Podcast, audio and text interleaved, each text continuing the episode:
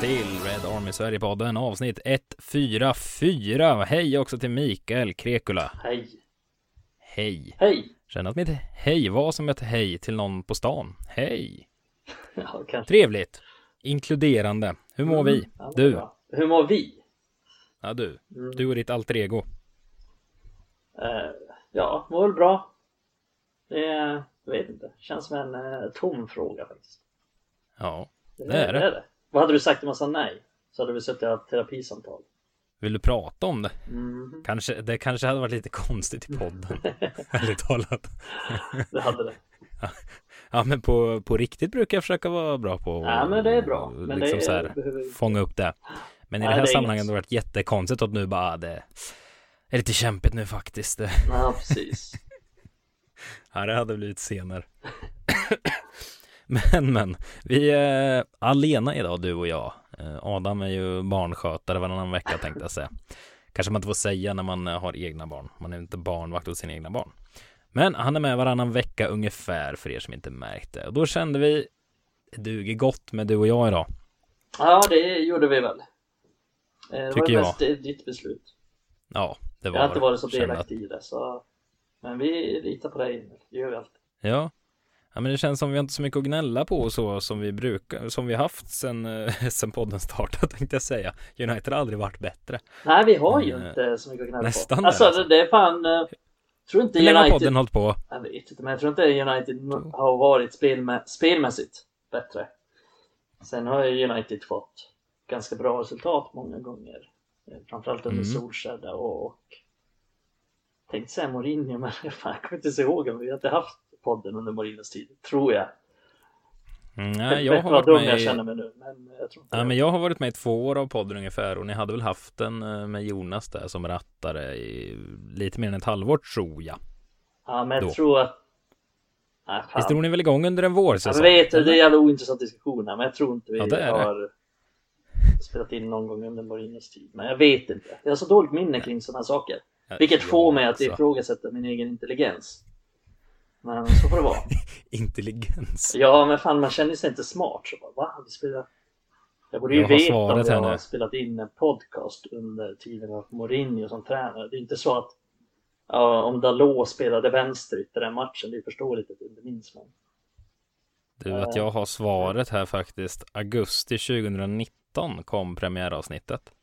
Okej. Så då höll ni igång ett år innan jag hoppade in ungefär skulle jag gissa. Mm. Ja, då så. Där fick du svar på det. Men eh, med det sagt, nu sitter vi och eh, bara ojar oss lite här hur det sett ut och så vidare. Eh, sen senast vi spelade in så har vi ju mött Tottenham och Chelsea. Tottenham på hemmaplan, vi vann med 2-0. Chelsea på bortaplan, kryss 1-1. Men alltså, det ligger ju faktiskt lite där vi sitter och skojar om här nu. Alltså, om vi ska börja med Spurs-matchen i kronologisk ordning. När var, när var United så bra senast? På riktigt så, ja, Eh, spel... augusti, augusti 2019 börjar på den. Jag tror inte jag har sett United så spelmässigt bra mot ett så kvalificerat motstånd ska jag väl säga. Eh, nej, jag ville gå ett steg längre också så att vi inte varit så här bra rent spelmässigt på tio år. Ja, nej, Sen har vi- det, var, det, var dit jag ville komma. Ja, precis. Sen har vi ju som sagt, som jag sa innan också, vi har haft bra resultat periodvis under Mourinho periodvis under Solskär. Ja, vi vann ju någon cup också under van och vi var ju ganska, vi var ganska bra i några matcher under van alltså spelmässigt riktigt bra också. Bland annat Liverpool borta. Eh, när Juan gjorde det snygga målet, då var vi väldigt bra. Så att det kanske är en överdrift att säga tio år, men vi har inte varit så här bra på ja, men fem, sex år i alla fall. Nej, och jag, jag läste faktiskt något idag som eh, påvisade lite den här eh, vändningen som vi stått för nu senaste veckorna under Ten Hag här, att det verkligen börjat börjat ge lite frukt så att säga. Att eh, United hade 13 raka matcher mot topp 6-klubbarna där vi hade ja, lägre än 50% bollinnehav. Och nu har man eh, haft mest bollinnehav mot både Tottenham och Chelsea två matcher i rad. Intressant.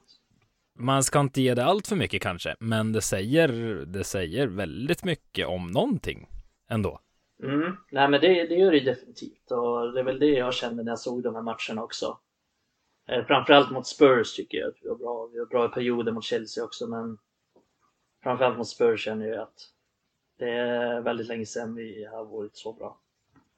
Eh, och ja, det var en intressant statistik du drog upp där. Det visste jag inte. Det hade jag inte ens tänkt på. Men jag har ju tänkt på att vi inte har dominerat de här matcherna på så sätt innan. Eh, och det har ju Nej. alltid blivit tydligt under Solskjaer och Mourinho där båda de tränarna var omställningstränare om man säger så. Eh, mm. Som ja, men dels ville de väl inte riktigt ha initiativet heller men jag tror inte att de kunde heller om de ens hade försökt. Nej. Eh, det var någon brittisk journalist på Twitter som skrev Den statistiken, ja, det är min källa så ni får ta det för vad det är. Men eh, det bör stämma, sånt där brukar inte bara skeppas ut utan, utan anledning så. Men, Bra källkritik. Ja, det, det är det. nej, nej, men det stämmer väl säkert. Ja, det brukar Det är inte hela världen om du inte gör det. det vi... Plocka upp grejer på Twitter, eh, källkritiken är inte alltid eh, hundra eh, procent, men det ska den inte vara när man sitter och Nej. diskuterar fotboll tänkte jag säga. Men Ja men som du är inne på, vi måste ändå stanna lite vid, vid Spurs-matchen. Alltså 2-0 mot Tottenham. Visst att de är ganska mycket upp och ner och så vidare. Men jag satt faktiskt och såg den här matchen ihop med en kompis som, eh, som håller på Tottenham. Och alltså, ja men vi satt i halvtid och bara alltså Ja men jag, jag sa först bara Alltså herregud hur dåliga Tottenham är Och han sa bara ja men herregud vad bra United är. Och landade i att bara ja det är nog Båda delarna men framförallt landade nog i efter 90 minuter att det var United som var Så fruktansvärt bra. Alltså så Tryggt och liksom Nej, jag vet inte. Ska vi referera till interna chatten igen så tror jag jag skrev någonstans under matchen för vi började prata om att det var så himla ineffektivt och så där i och då var det jag, jag, ja men jag förde den logiken att Alltså det hade inte gjort, det är klart man hade blivit arg och bitter om vi torskar med nollet efter det liksom. Men någonstans så, vi pratade om det i podden hundra gånger här nu inför den här säsongen att jag vill se prestation och jag vill se utveckling. Och det, alltså det såg vi ju med all önskvärd tydlighet så det var liksom Ja men fattar du vart jag vill komma? 0-1 där hade varit bedrövligt såklart Men jag hade nog fortfarande suttit efter matchen med lite distans och varit hyfsat nöjd. Och Vi har nästan hamnat där redan nu, eller vad tycker du? Jo, man men... kan vara nöjd med en insats liksom. Äh, Nej men jag vill bara plocka upp den bollen där med Tottenham så dåliga. Innan den här matchen hade de bara förlorat en match i ligan. Eh, Så även om, när jag har sett, när jag har sett Spurs den säsongen, då har jag sällan blivit imponerad av dem spelmässigt men det är fortfarande ett jävligt svårt lag att slå. De är... Kane hade gjort mål i åtta raka, eller vad var det? Bara en sån sak. Vad sa du? Det stängdes ner. Kane hade väl gjort mål i sju ja. eller åtta raka och bara stängdes ner fullständigt. Ja, bara, en, bara en sån sak. Ja, men säkert. Han gjorde mål matchen efter också. Eh, mm. Mot Newcastle, även om de förlorade Nej, men eh, de är ju det lag som är liksom svårast att få till lägen mot. Om man säger så. Eh, så även om de eh, gav United initiativet på många sätt så är de ju fortfarande svåra att slå. Och det är ju någonstans där som är det imponerande också att vi Ja men du nämnde den ineffektiviteten och jag vet inte om jag håller med om det. Det känns mest som att det är ett sånt här känsloargument som folk drar till med hela tiden. Ja, men eh, man är, United är så ineffektiva i den matchen, United är si eller så. Men jag vet inte om, jag tycker att det finns ingen statistik som visar på att United var särskilt ineffektiva mot Spurs bland annat. Jag tror att XG var 1,4 eller någonting och United gjorde två mål. Så de var ju bevisligen inte särskilt ineffektiva. Eh, sen kan jag hålla med om att vi gjorde väl inte mål på de chanserna som var de bästa chanserna om man säger så. Båda våra mål kom ju utanför straffområdet på egentligen icke-chanser om man säger så. Eh, så det blev väl någonstans rättvist till slut att United gjorde två mål, för det var ungefär det man skapade i, i matchen. Och det tycker jag väl är... Eh, nej, men det är väl, det är väl ganska logiskt att United gjorde två mål i den matchen. Jag tycker väl snarare att vi har större problem med att skapa de riktigt stora målchanserna. Eh, men det kommer väl säkert till lite senare i avsnittet i diskussionen. Men snarare än att vi är ineffektiva, för det vet jag inte om jag tycker att United var här. Eller mot Chelsea för den delen heller. Mm, nej, nej vi, alltså vi kan väl baka ihop Chelsea-matchen också. För men jag i alla fall sett, jag har lite samma känsla som, som du har att så här, lugn, så ineffektiva är vi väl inte. Men det ändå höjs lite röster för det, kanske främst riktat mot eh, Rashford. Men jag kan inte välja att stå på det benet när jag tittar på Rashford senaste matcherna. Alltså, jag kan verkligen inte landa i att säga nej, vad han är ineffektiv. Herregud, vill bara hoppa jämfota applådera att han ser fantastiskt het ut igen, så nere i källaren som han har varit.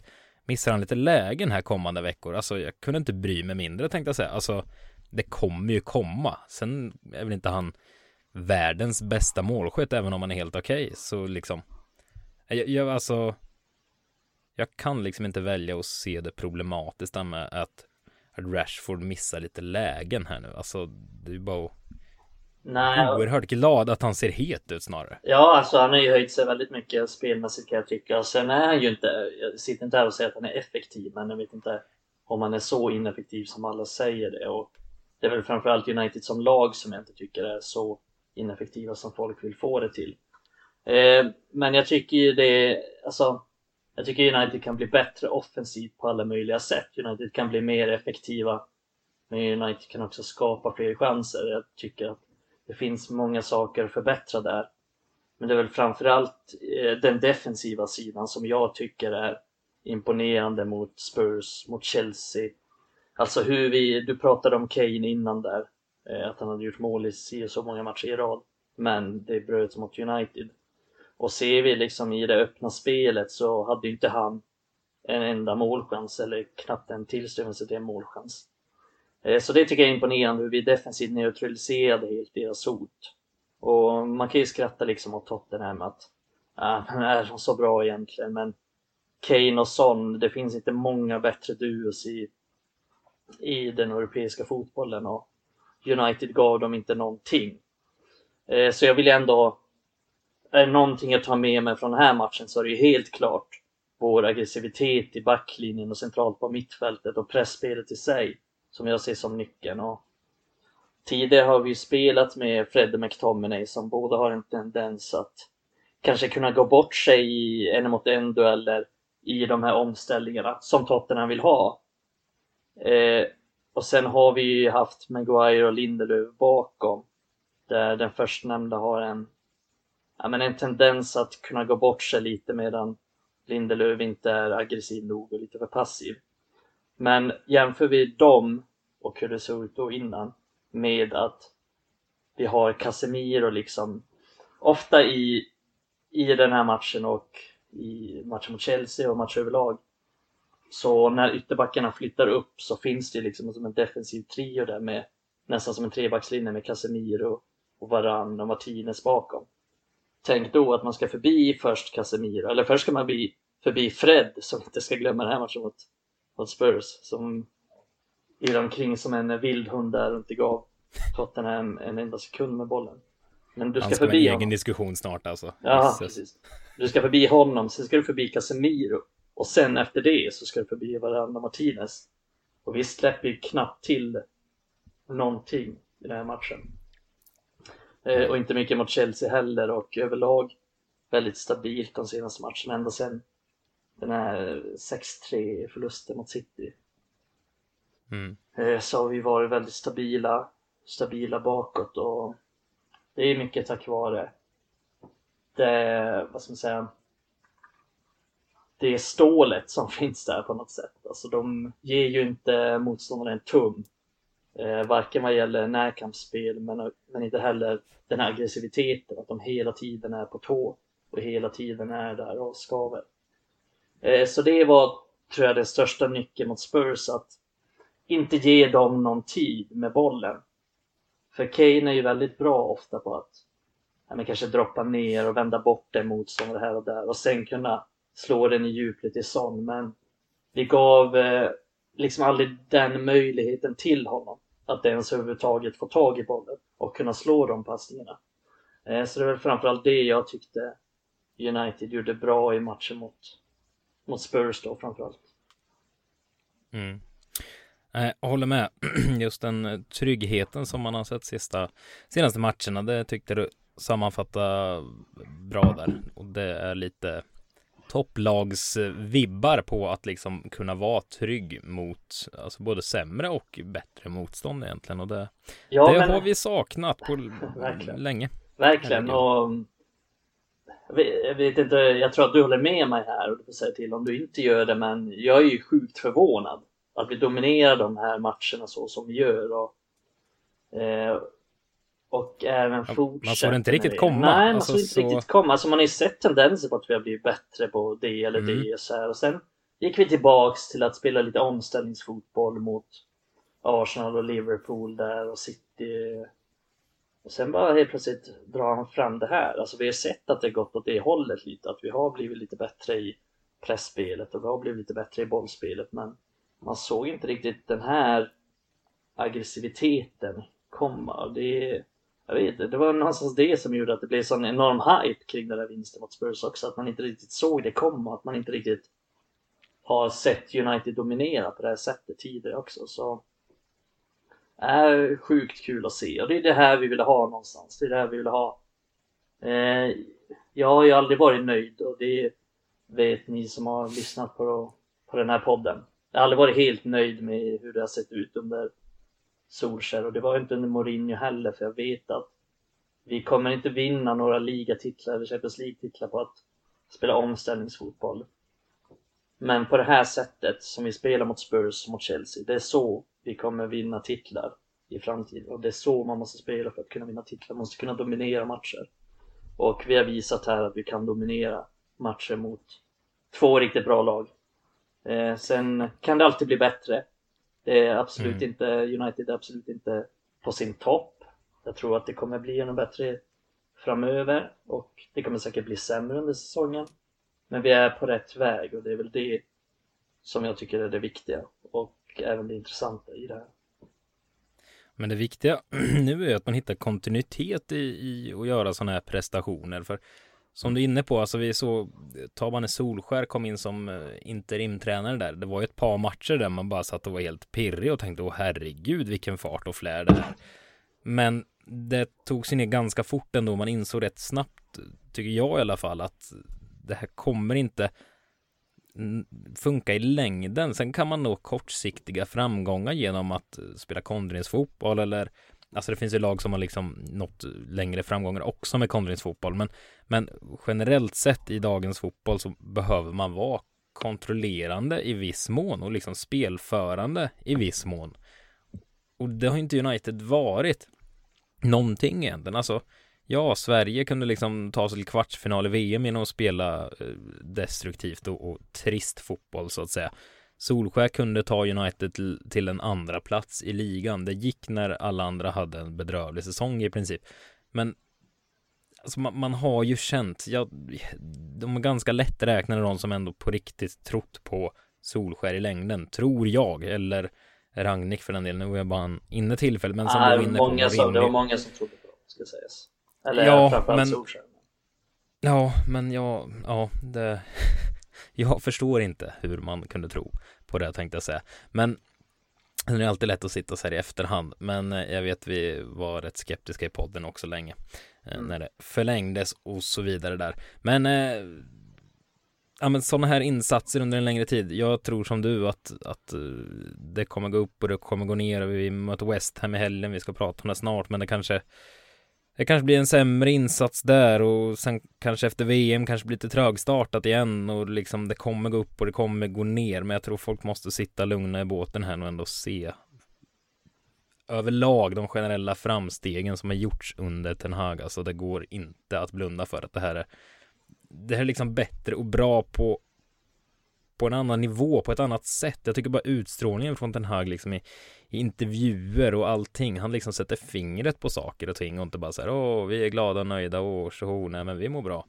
Alltså, nej, jag gillar skarpt det som sker just nu. Och jag vill faktiskt lyfta den här eh, en annan aspekt också. Vi har ju pratat lite här under hösten.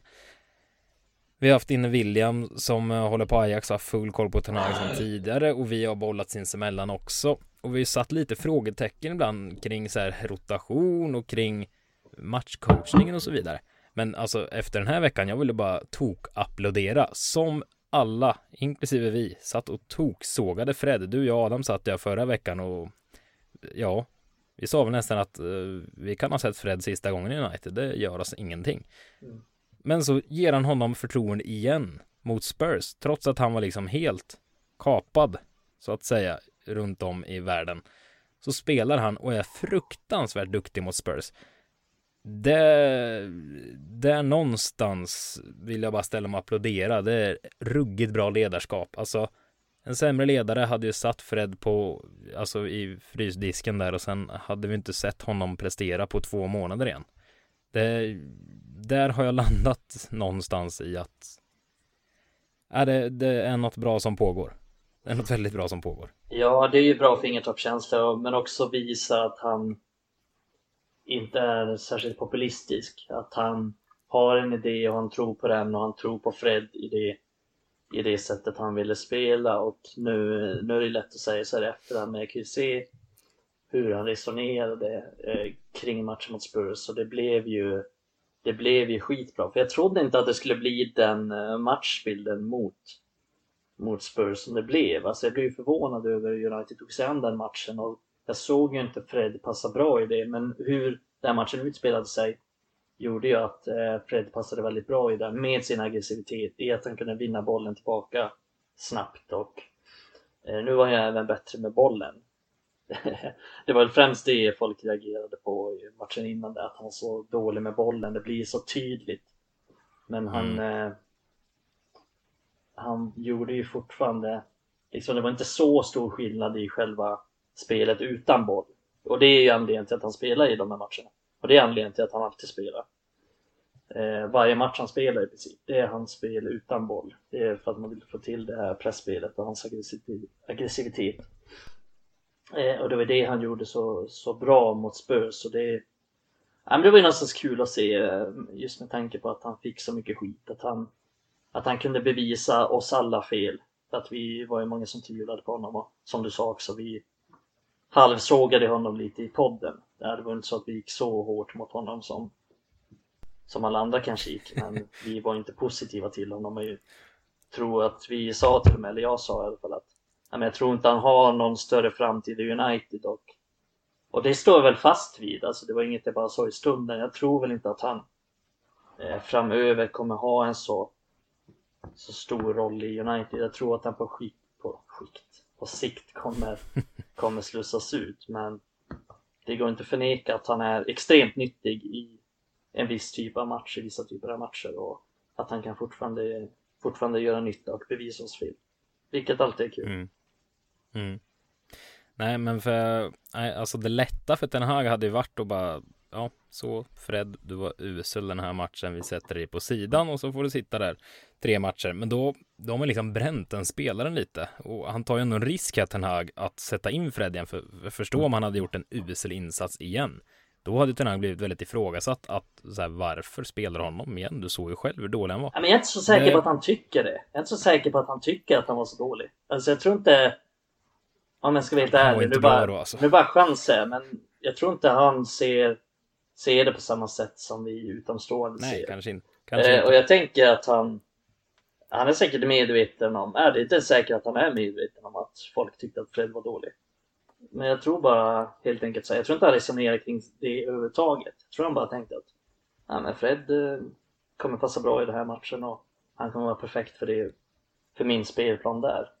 Nu chansar jag bara, men jag misstänker att vet, han, vet inte du hur Ten Hag tänker exakt? Med Nej, tyvärr. Jag har inte kollat in i hans skalliga skalle och synat spåkulan. Men han lyssnar på podden, det har vi ju misstänkt för i alla fall. Ja, det är ju han. Solskär ja. och det är många som lyssnar på podden. Ja, filen framförallt. Filen. Väldigt kul. Men, men en annan sak, eh, Ten Hag kan vi lyfta och vi kommer säkert in på honom fler gånger här. Men en annan sak som man bara måste lyfta också, alltså vi har ju och Ten Hag ska väl i och för sig ha en eloge för det också, men man har ju verkligen pinpointat in karaktärer till det här laget inför den här säsongen. Då tänker jag väl kanske främst på Martinez och Casemiro här, men även Varan som är lite av ett nyförvärv inför den här säsongen också, får man väl ändå kalla honom. Vi har sett Malaysia tidigare också, Eriksen är nog en fin gubbe och så vidare. Antoni springer på sin kant och brinner för det. Men det är väl landa i, alltså kvitteringen mot Chelsea de här, jag vet att du har sett videon från, från läktarna liksom.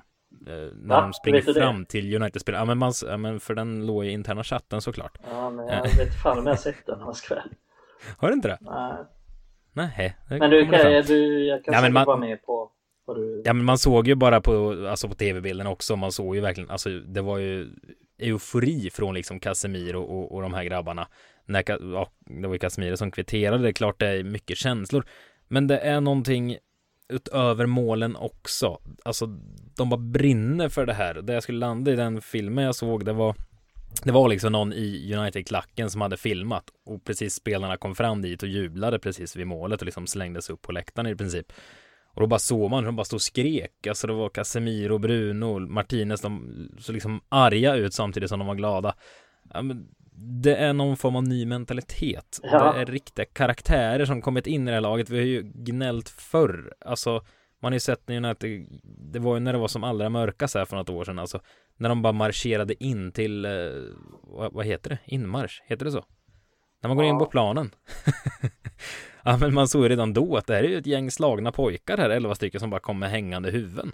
Alltså där är vi verkligen inte nu. Alltså de här Martinez, Casemiro, Varan, de här Alltså Bruno får de med sig ibland. Och, alltså de brinner så mycket för det. Vi har fått in karaktärer som liksom ja, men de tar ett rött för laget om det behövs i rätt läge för det är viktigt för laget. Alltså, ja men man tar en kula för varandra känns det som. Det, det gör rätt mycket med det här också tror jag. Ja, nej men det, det håller jag med om eh, att vi har fått in och det har vi ju som bekant saknat sen tidigare också så att nej, det håller jag helt med om. Mm. Nej, det är ruggigt fint att se den mentaliteten som är inne.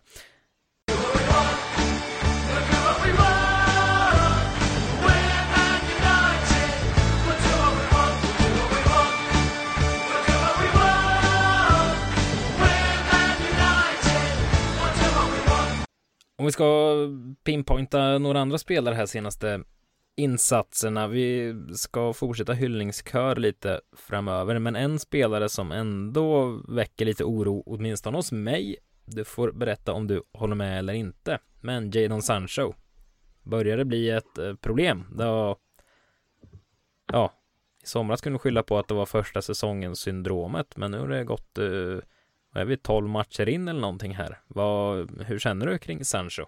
Är du orolig? Uh, ja, alltså både ja och nej. Jag tror att om vi, det går i linje lite med det vi diskuterade innan, den här aggressiviteten. Och jag tror att Sanchos största svaghet just nu är att han inte är lika bra som han är inte lika bra atlet som de andra är. Och det går också i linje med de du snackar om, de här karaktärerna kolla på den som spelar nu, så här, Rashford, Fred, Casemiro, Martinez och Malaysia, alltså till viss del. Alltså alla är väldigt bra atleter, de är snabba, aggressiva, löpstarka. Och då tror jag som sagt att jag tror, som jag sagt innan, att jag tror att Sancho kommer vara bättre när han får en eh, rörligare striker att spela med och även när Shaw kommer upp lite mer i anfall. Jag tycker fortfarande vi är lite dåliga på det. På båda sidorna faktiskt, på överlappa och mittbackarna. När han får fler alternativ. Alltså Sanchos största styrka är att han kan länka med andra spelare, så små instick, sådana små samarbeten. Han är ingen han är ingen spelare som gör sin gubbe och vi kan inte förvänta oss något som han inte är tycker jag. Men det vi kan förvänta oss är ju att han gör jobbet bättre. Och där kan jag väl tycka att han har sina brister. Eh, och det är väl det jag är besviken på honom. Men eh, jag tror ju överlag så att han är lite, han saknar de här atletiska egenskaperna som, som de flesta andra i laget har och som de flesta andra i laget som har kommit in framförallt har. Eh, jag tror att han kommer vara mer av en resurs faktiskt också när vi möter sämre lag. Nu har vi mött de här två senaste matcherna, har vi mött väldigt bra lag. Det har blivit väldigt högintensiva matcher vilket inte passar honom. Eh, så jag tror att han kommer vara Startar han mot West Ham till exempel så tror jag att han kommer göra en bättre match. Men eh, jag ser ju problematiken i honom både nu och på längre sikt. Alltså framförallt om man ska fortsätta med det högintensiva spelet så, så är han väl kanske inte den allra bästa spelaren. För poänggörandet har ju också varit eh, ruggigt, ruggigt mycket sämre än vad han eh, visade i Dortmund, för då gjorde han ju både mål och assist åt, åt både höger och vänster. Det ser vi inte alls just nu alltså. Det... Nej, det tror jag väl är väl en del av det jag sa innan där att han, mm. han i Dortmund hade mycket rörelse framför sig. Bra striker som tog löpningar i straffområdet. Det är ju framförallt, det tycker jag har blivit tydligt i de här två matcherna att vi saknar en striker som är bra i boxen och som tar bra löpningar in i boxen och som är bra på länkarna de andra spelarna. Rashford är all ära, men han är inte den spelaren. Han har inget bra rörelseschema i boxen. Han är bra i djupled, ja, när det kommer ytor, men det har vi inte fått särskilt mycket i någon av de här matcherna. Eh, så mm. jag vill se Sancho med en riktigt bra striker som har de egenskaperna.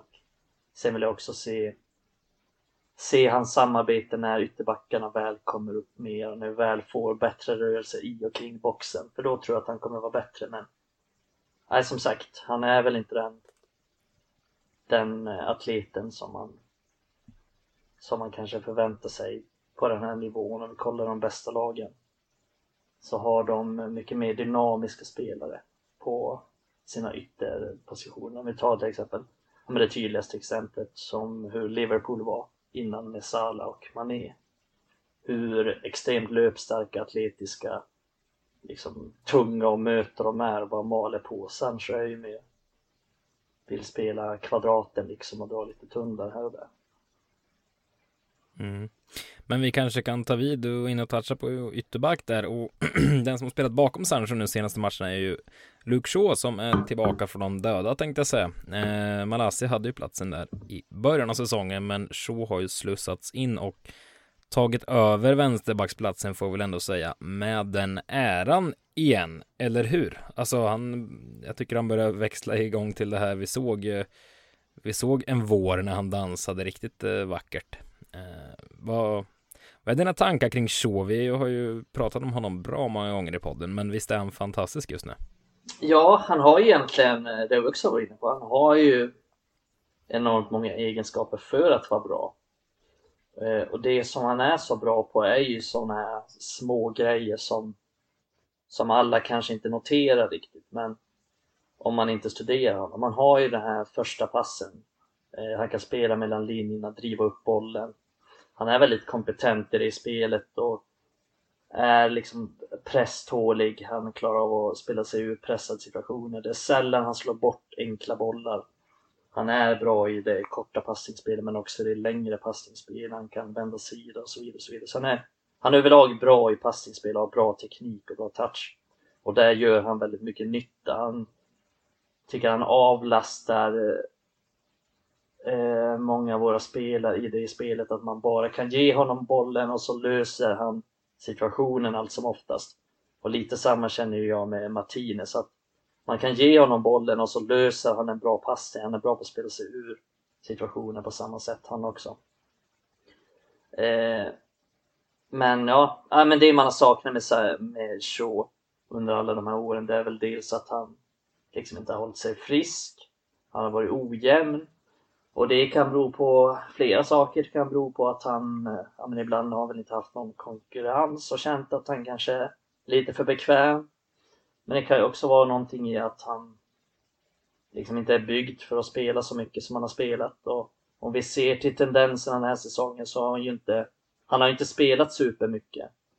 Eh, och det tror jag gör honom gott överlag, att han inte spelar hela tiden.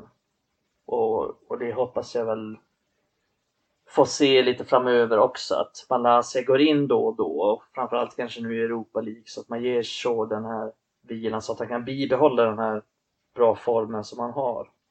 Eh, så det tror jag han har mått bra av att han inte har spelat hela tiden och att han kan vara ganska fräsch när, när de här matcherna väl kommer. Mm. Eh, Rafael Varan kanske vi måste bolla upp ändå. Han utgick ju skadad mot Chelsea. Vi har ju hyllat mittbacksparet med varann och eh, Martinez i eh, överflöd tänkte jag säga. Eh, det såg ju rätt otäckt ut mot Chelsea och han Eh, av tv-bilderna döma såg det ut som han grät när han eh, knatade av planen och man var lite oroad. Eh, jag vet inte, började prata oss om knä, men jag tyckte inte man fick se så många reprisbilder som gjorde det rättvist, men ja. Sen dök det upp uppgifter här om att han är borta några veckor och det får man väl vara väldigt nöjd med sett till vad magkänslan var när han gick ut gick ut gråtande, då trodde man verkligen att han kände att här gick någonting sönder i knät eller liknande.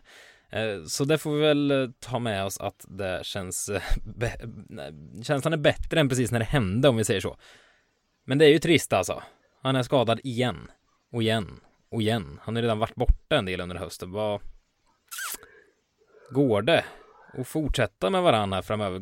Alltså kan man ha Martinez och, och Varann som mittbacksparet vi ska bygga på kommande säsonger? Tror du? När vi När det är som det är med Varann och hans skador? Ja, det... Eller ska vi kika efter något annat?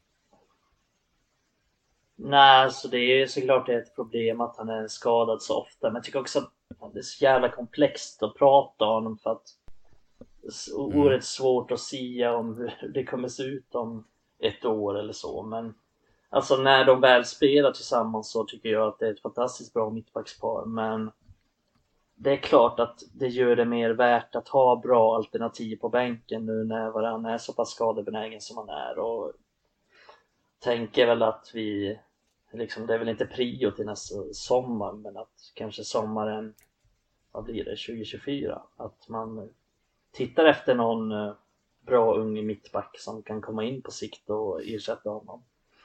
Eh, så det är väl lite så jag känner kring det men jag känner också att det är lite komplext att snacka om. För jag tycker att som det är nu så tycker jag att vår, alltså mittbacksplatsen är, är stark. Alltså att det är en av våra starkaste positioner. Så det, så det har inte funderat så mycket. Jag ser inte det som ett av de här stora problemen om man säger så.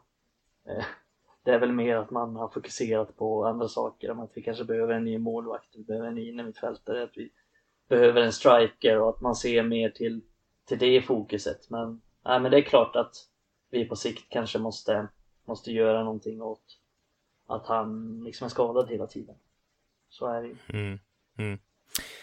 Återstår att se här nu eh, vem som ersätter honom. Lindelöf lär väl vara åtminstone på, på torsdag här när vi möter Sheriff i Europa League. Sen är ju Harry Maguire tillbaka i träning efter liten skadeperiod, så det återstår att se vem, eh, vem Ten Hag eh, satsar på. I början av säsongen när Varann var borta så var det ju främst Mugair som fick spela och Lindelöf sitta på bänken. Men eh, Lindelöf har ju ändå gjort det helt OK de matcherna han fått eh, lira här nu. Så vi, vi får se. Adam Kufs, våran ständige följare på Twitter, skickade faktiskt en fråga om vi tror på Lindelöf eller Maguire och det är ju svårt att eh, svårt att sia om tycker jag. Eh, och lite beroende på vad det är för match och förväntad matchbild också kanske vem.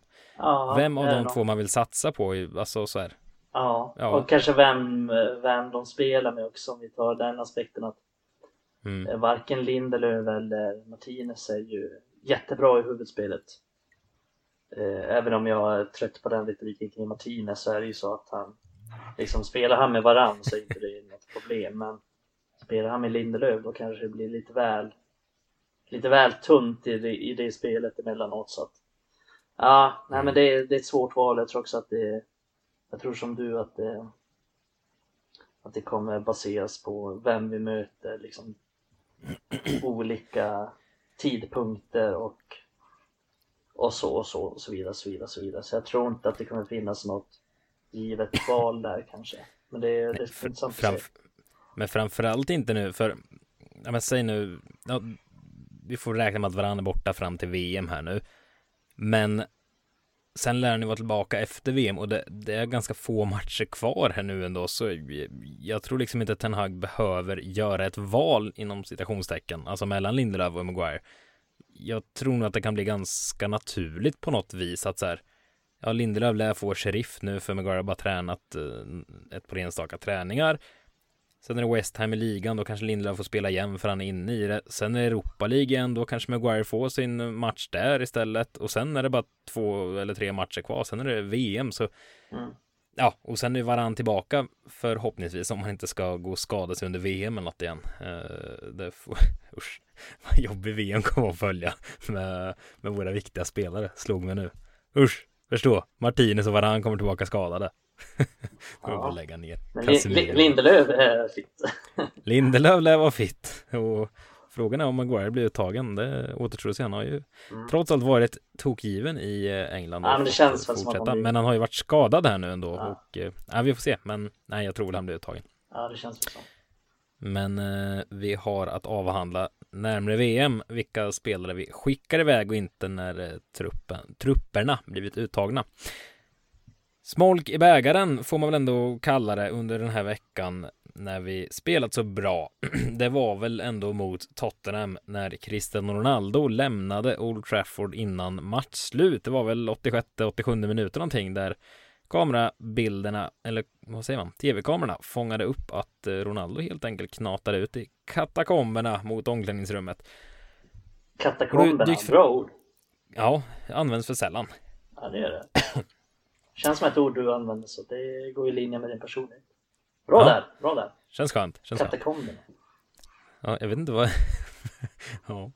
Jag vet inte vart det... Det känns som jag hör det ordet ibland. Jag vet inte ja, visst gör det. Nej, men det känns som, som här... Eh, jag vet inte. Henke Strömblad uttryck. Det känns lite, känns lite ishall. I en ishall finns det katakomber, så här. Någon tveksam gång ner till omklädningsrummet. Jag vet inte. Vi släpper katakomberna. Eh, men eh, det kröp ju fram i efterhand i alla fall att eh, Ronaldo rätt och slätt ska ha vägrat bli inbytt där i, under matchen och valde sen att lämna trots att det var klang och jubelföreställning 2-0 till United och allt det där. Ten Hag och klubben får man väl säga valde då att stänga av Ronaldo han fick inte vara med och träna med A-laget och han var inte med mot Chelsea i överhuvudtaget. Nu ska vi säga idag tisdag så har det kablats ut att han är med och tränar igen. Tenag ska ha pratat med honom och så vidare och så vidare. Om vi bara börjar i änden att han lämnade. Vad, vad, vad känner du? Vad kände du och vad känner du? Nej, jag känner väl det som jag alltid känt kring honom, eller känt ganska länge kring honom, att han, han är väldigt egoistisk och bryr sig inte, alltså han sätter jaget för laget på väldigt många sätt.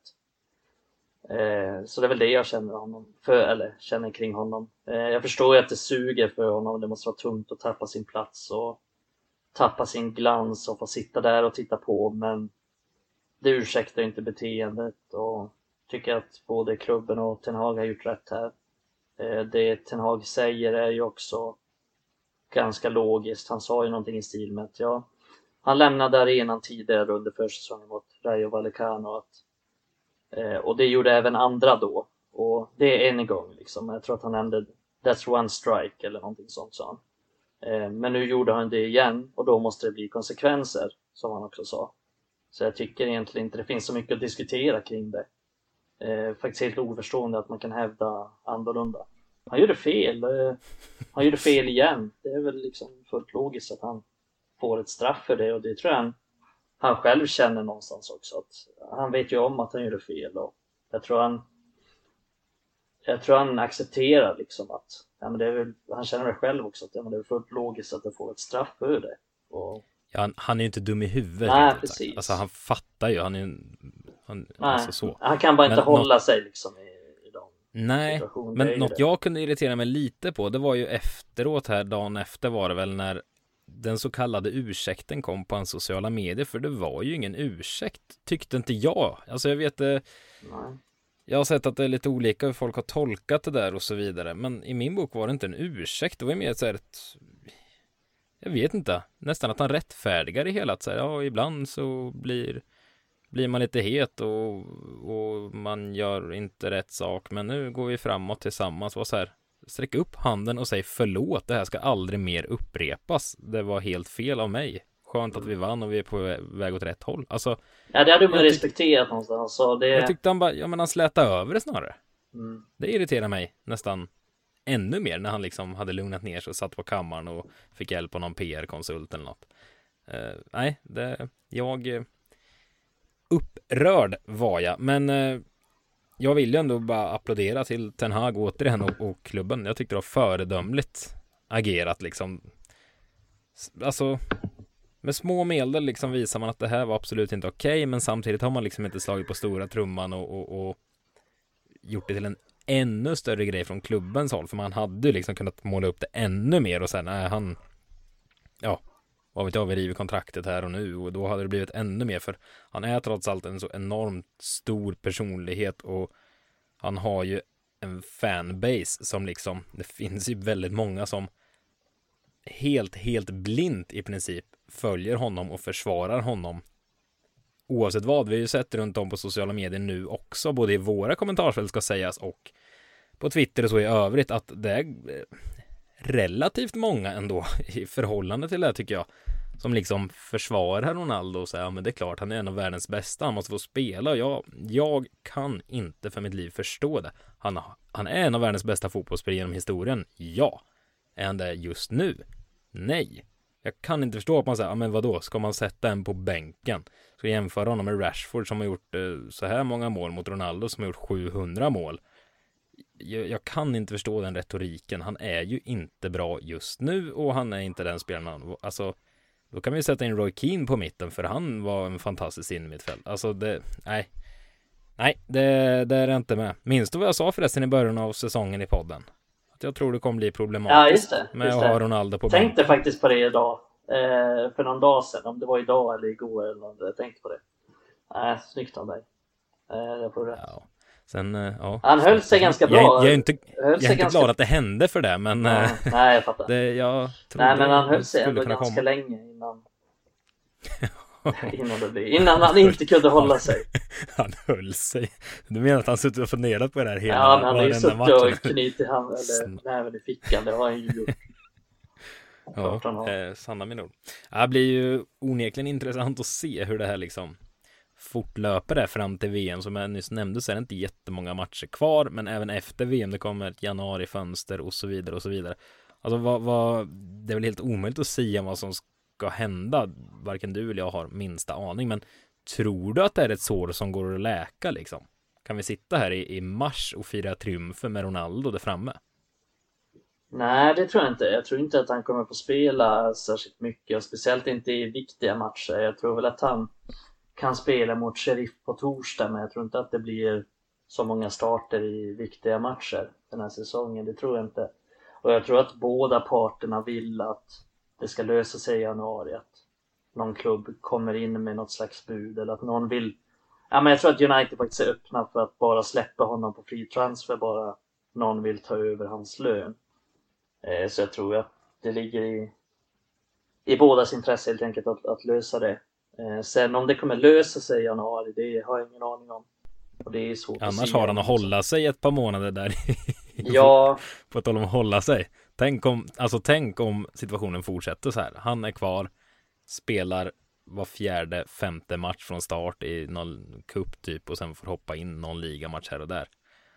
Om du skojar lite om att han, eller skojar, raljerar lite i alla fall om att han har suttit och hållit sig rätt länge här. Förstå om det här bara fortsätter. Ja men tänk. Alltså en hel vår, det är liksom fem månader kvar där efter nyår. Ja men ta i, säsongen. Exakt, jag ta, ha i åtanke också att Martial har varit skadad i princip hela säsongen. Och han har ändå inte fått spela viktiga matcher liksom.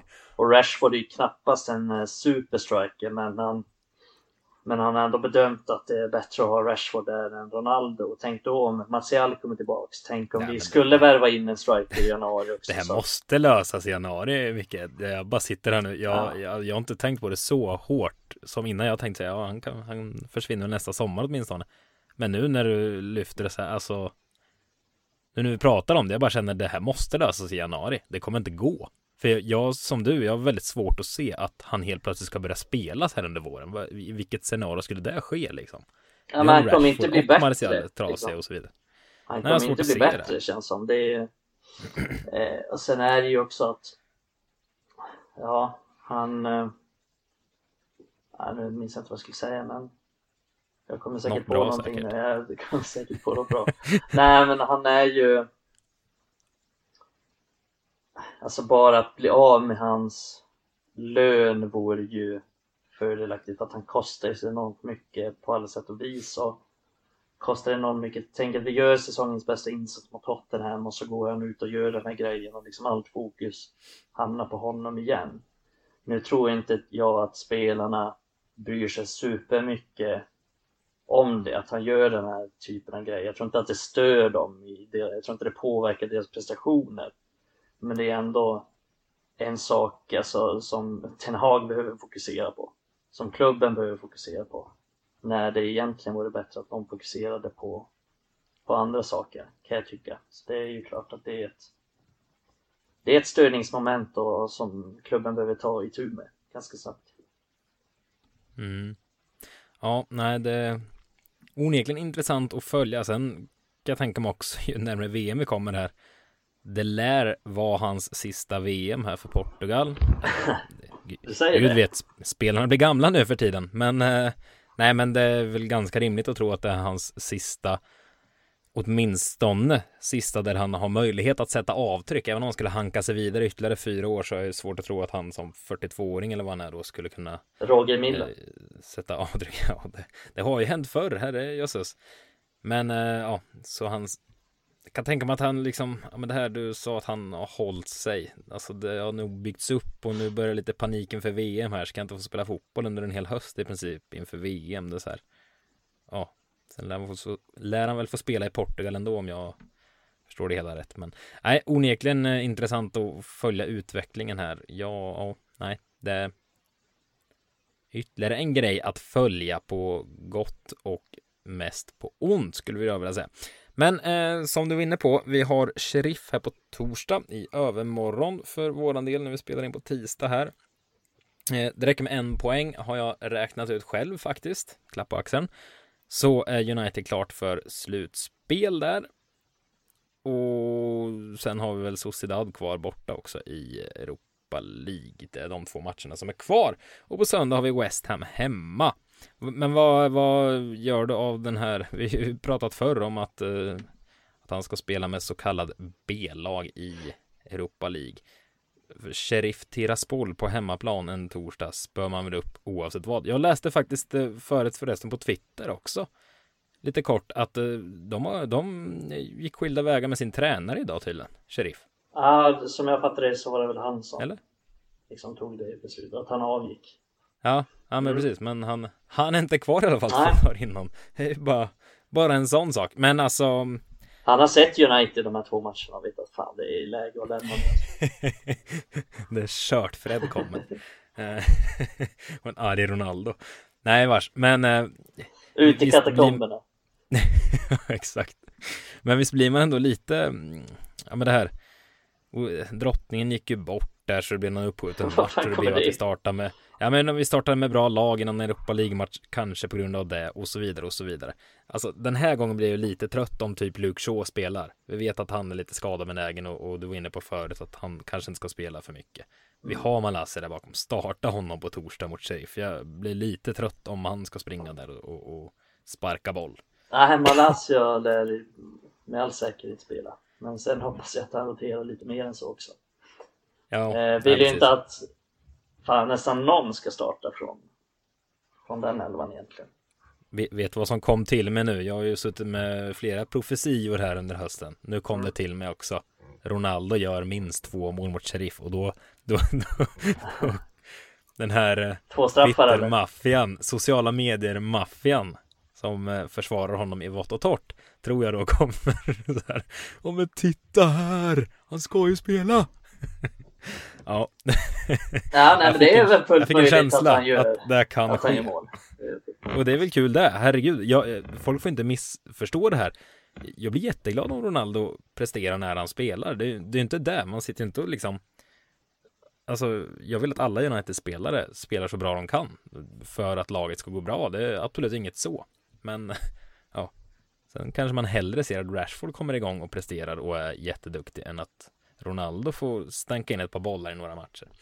Men eh, nej, det känns som det kan ske. Men vi ska inte fastna och prata Europa League kanske, för vi tar väl garanterat en poäng hemma mot Sheriff på torsdag. Annars vet jag inte vad, annars får jag äta upp det jag säger här i nästa veckas podd. Det gör vi. Men sen är det West. Ja, va? va? Det gör vi. Vi tar, Ja, vi tar poäng. en poäng. Det lovar jag. Ja, det gör vi. Det gör vi.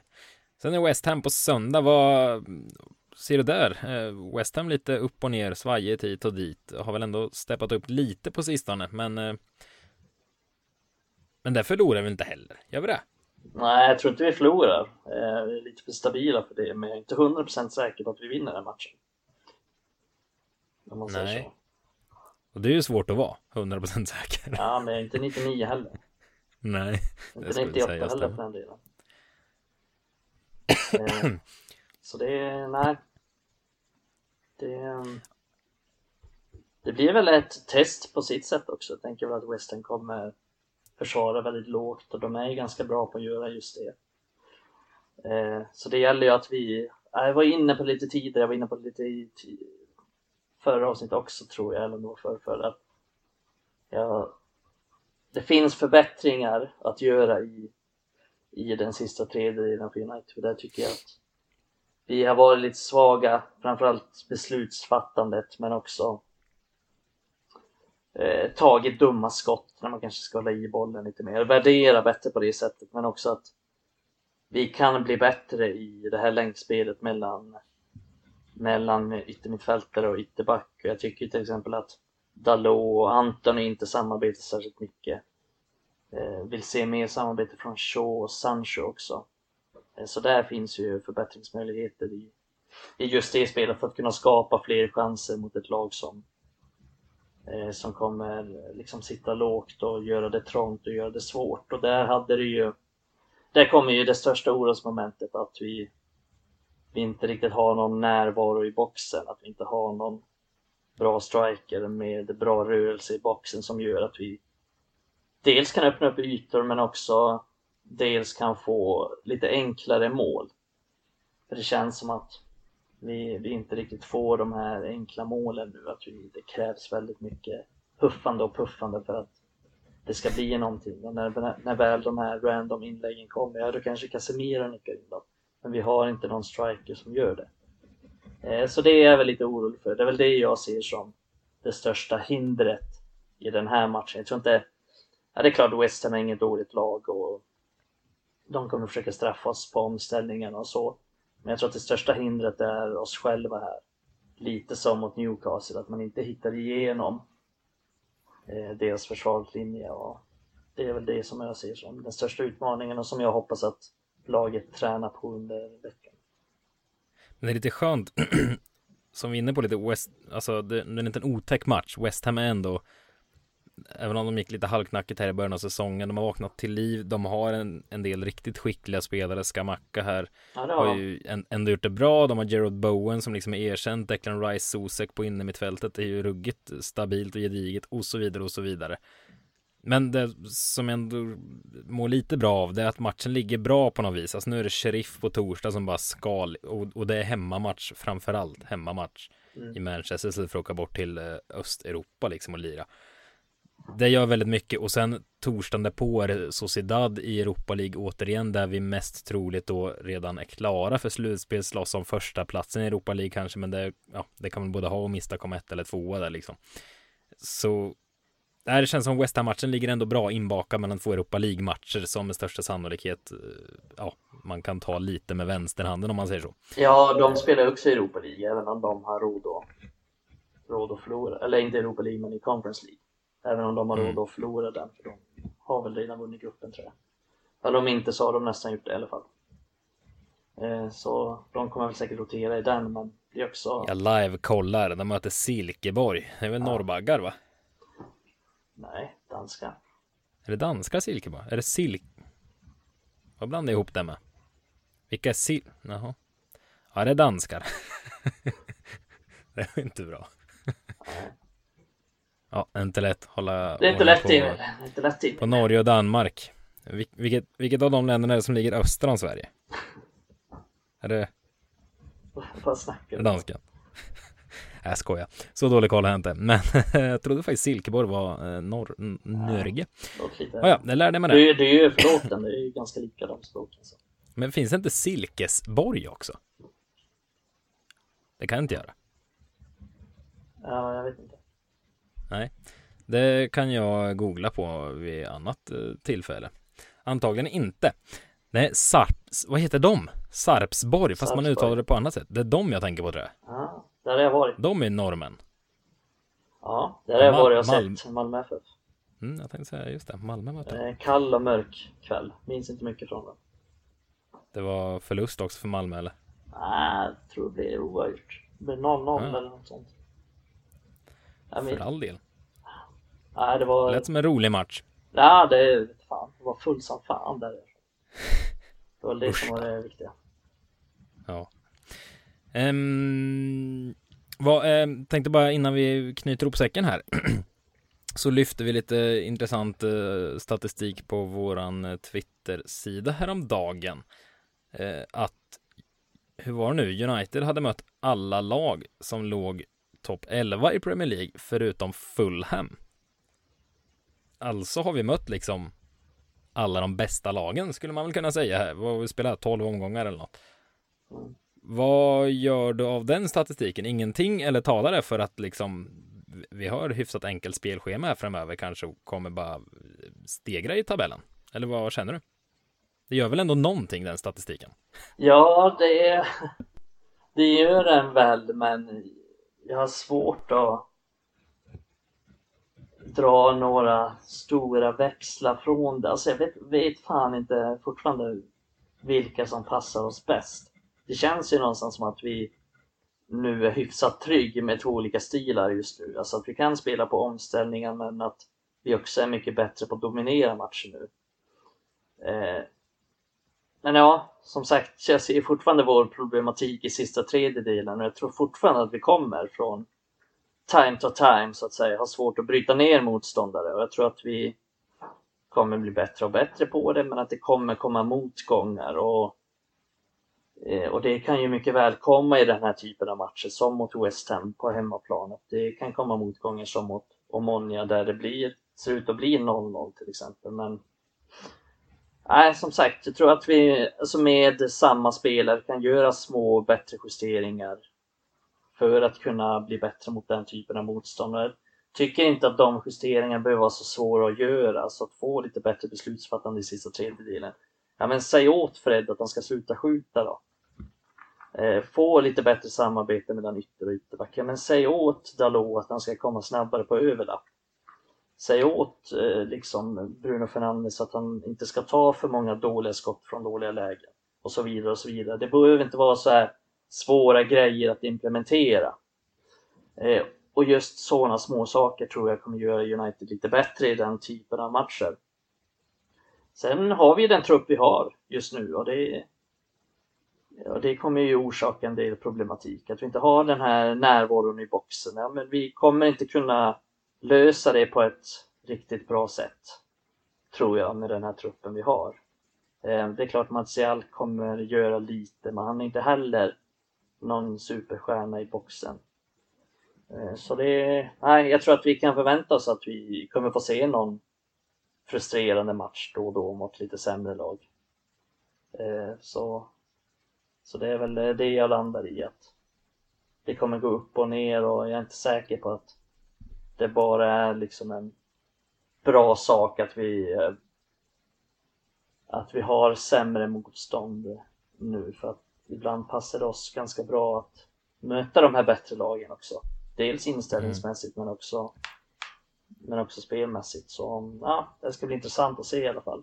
Jag tror att överlag kan vi väl säga att alltså i det stora hela så eh, så är väl eh, det mesta liksom positivt nu kring United och, och det ser bättre och bättre ut oavsett vilka vi möter så har vi utvecklat vårt spel och vi har utvecklat aspekter i vårt spel som gör att man känner sig tryggare oavsett vem vi möter egentligen. Så nej, det ska bli väldigt spännande att se men också lite ovisst i hur vi kommer kunna bryta ner de här lagen. Jag hoppas på att få se lite bättre beslutsfattande, lite mer chansskapande i, i, i de här matcherna.